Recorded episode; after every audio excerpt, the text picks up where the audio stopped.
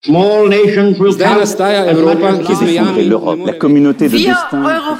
Evropska četrt. I don't know why you are becoming nervous when you are speaking about the European Union.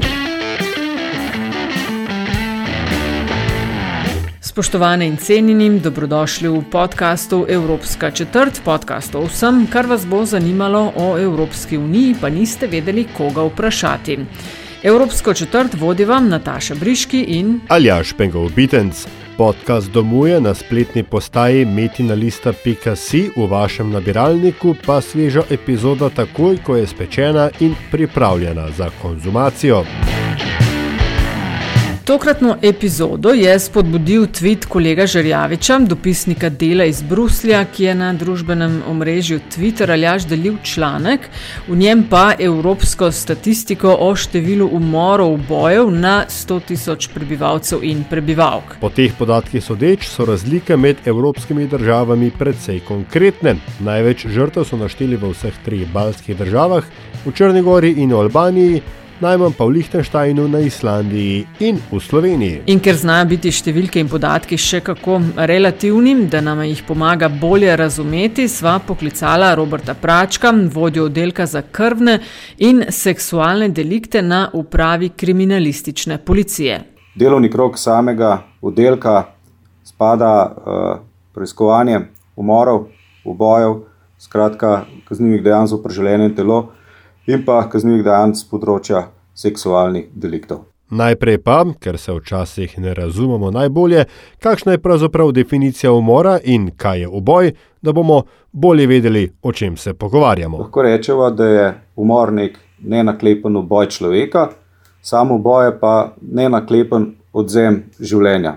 Torej, zdaj, če povzamem drugače, ne, uh, ko greš ti nekoga umoriti, imaš naklep, izvedeš to iz neke morilske sle, iz koristoljubnosti, uh, zaradi prikritja nekega drugega kaznivega dejanja. Skratka, je to kvalificirana oblika tistega osnovnega oboja, kjer gre pa zgolj za odzem človeškega življenja.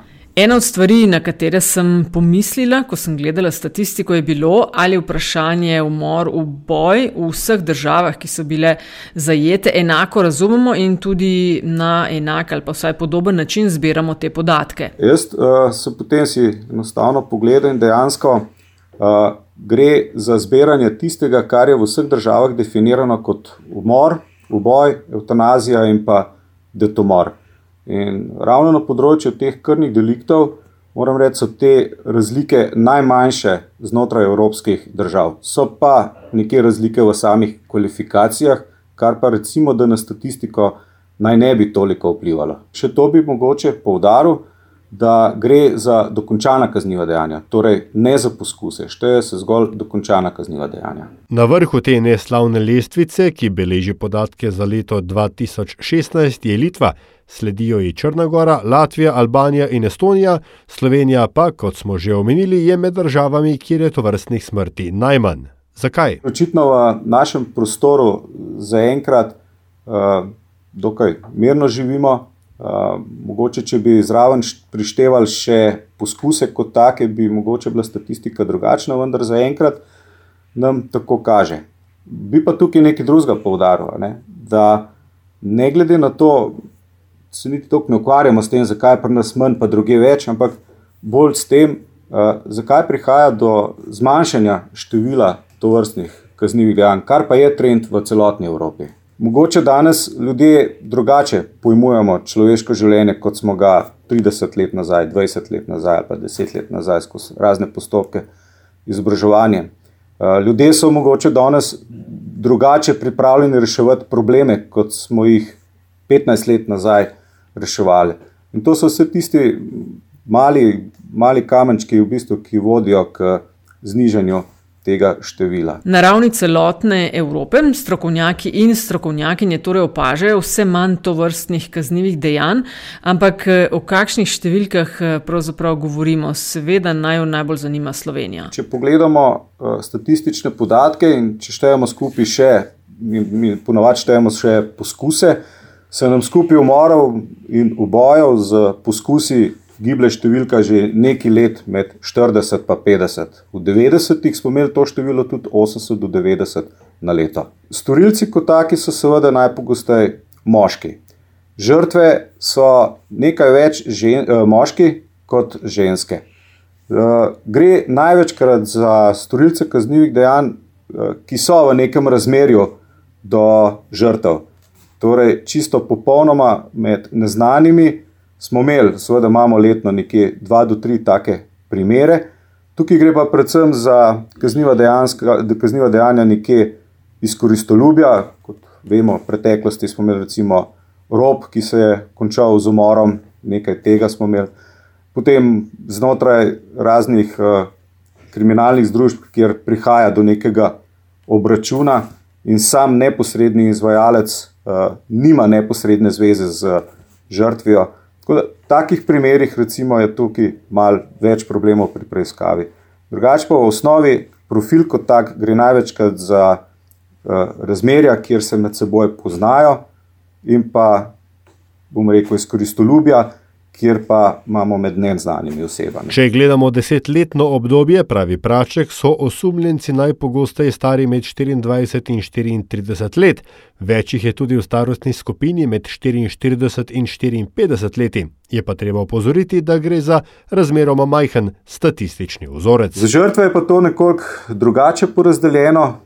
Tudi, uh, bom rekel, se začne nekje tam od 18 let, nekaj več žrtev ampak je potem enakomerno razdeljeno tja do 54 let. Številčno je največ umorov in obojev ter poskusov v najbolj naseljenih delih Slovenije, torej največjih mestih v Ljubljani, skoraj polovica vsega se zabeleži v tej regiji, ki spada pod policijsko upravo Ljubljana, sledi Maribor, občasno pa izstopa tudi novo mesto. Na ravni Evrope pa torej Slovenija sodi med države, kjer je umorov in obojev najmanj. Pogosto to vodi k sklepu, da je Slovenija bolj miroljubna država od ostalih. Pa je res? Ja, jaz bi vseeno to uh, nekako podprl, da je Slovenija bolj miroljubna uh, država od ostalih. Mi recimo zelo dobro sodelujemo z uh, Srbijo, s Hrvaško, tukaj pa v neposredni primerjavi lahko opažamo, da imamo mi kar precej manj primerov, da imamo precej manj zakomplicirane primere, bi rekel. Eh, pri nas že kar nekaj časa nismo imeli eh, eksekucijskega umora pravega.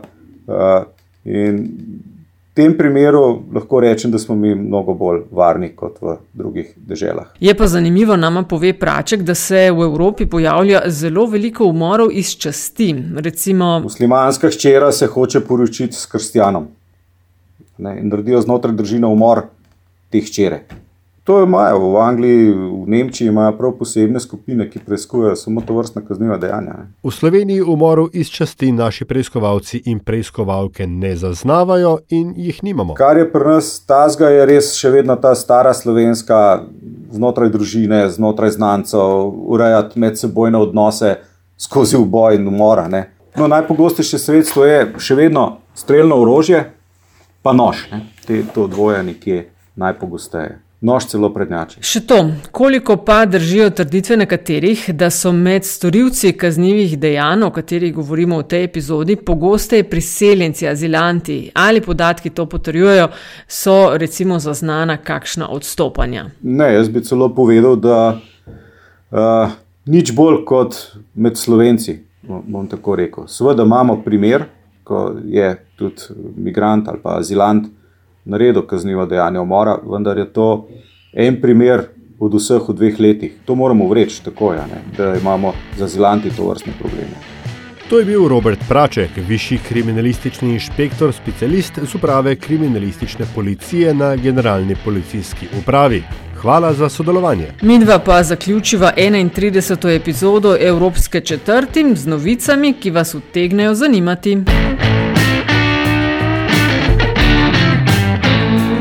Povednost in ravnanje.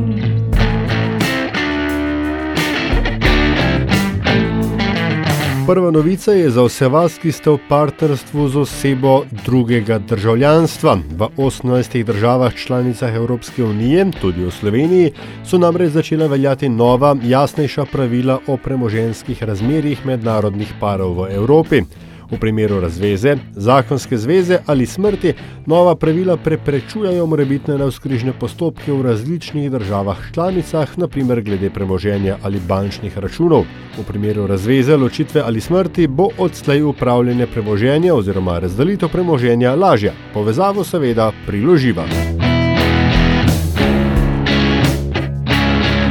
Drugi novici pa vabljeni k sodelovanju v spletnem kvizu o evropski kinematografiji, ključnik EU Film Contest, ki bo desetim kandidatom oziroma kandidatkam omogočil, da se med 17. in 19. majem 2019, se pravi letos, udeležijo filmskega festivala v francoskem Kanu. Potovalni stroški in hotel vključenim, izbrani bodo tisti, ki bodo najbolje rešili kviz, sodelujete pa lahko do 19. marca letos. Povezavo dodava na spletno stran. Zanimiv kviz je.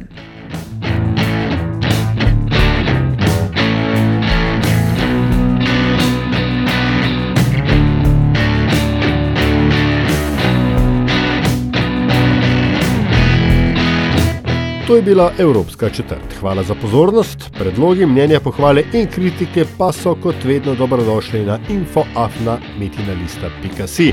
Na družbenih omrežjih je uradni ključnik Evropska četrt. Avtor glasbene podlage pa je peli iz Afna Hishem Band. Če vam je vsebina všeč, bo pomagalo, da nas najde še kdo, če naj ocenite pri vašem izbranem podcast ponudniku. Hvala vnaprej tudi za vašo družbo in se slišimo spet prihodnič.